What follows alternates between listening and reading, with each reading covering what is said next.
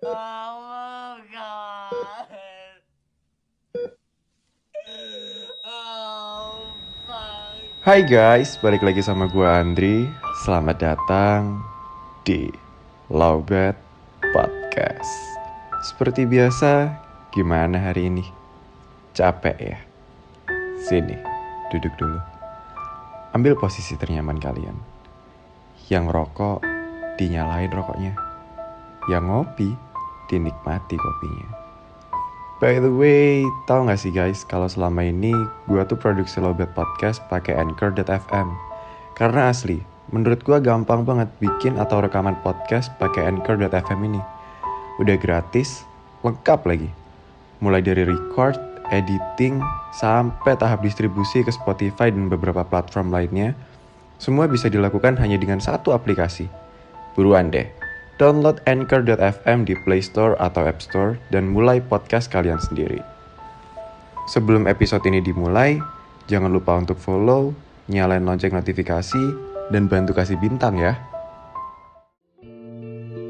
Tolong, aku hampir gila karena dipaksa keadaan untuk menghadapi semua realita ini seorang diri. Aku capek harus pura-pura bahagia. Aku capek harus terlihat kuat setiap saat. Aku capek harus berjuang seorang diri. Ya Tuhan, tak bisakah kau kirimkan aku orang yang bisa menemaniku saat diri ini berada pada titik terendah? Ya, kurang lebih seperti itulah isi kepalaku belakangan ini. Nggak terasa ya, kita udah mulai memasuki ujung dari tahun 2022. Gak tahu kenapa, tapi emang capek banget gak sih rasanya tahun ini? Rasanya tuh seperti diterpa badai masalah gitu. Yang satu belum selesai, eh satunya lagi udah datang aja. Mulai dari kisah asmara yang tak bersahabat, hingga masalah ekonomi yang sangat mematikan. Ingin rasanya kembali menjadi anak kecil. Karena kala itu tak ada masalah berat yang mengharuskan kita untuk berpikir kritis seperti saat ini kan? Kangen gak sih?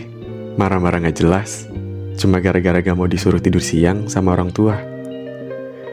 Lucu ya, dulu gak mau tidur siang, sekarang malah berharap bisa tidur setiap saat demi terhindar dari masalah. Bila tahu menjadi dewasa ternyata semenyeramkan ini, mungkin dulu aku tak akan menyia-nyiakan setiap detik dari waktu yang kupunya. Padahal, dulu sebenarnya kita sudah pernah diingatkan oleh iklan provider gak sih? Ingat gak?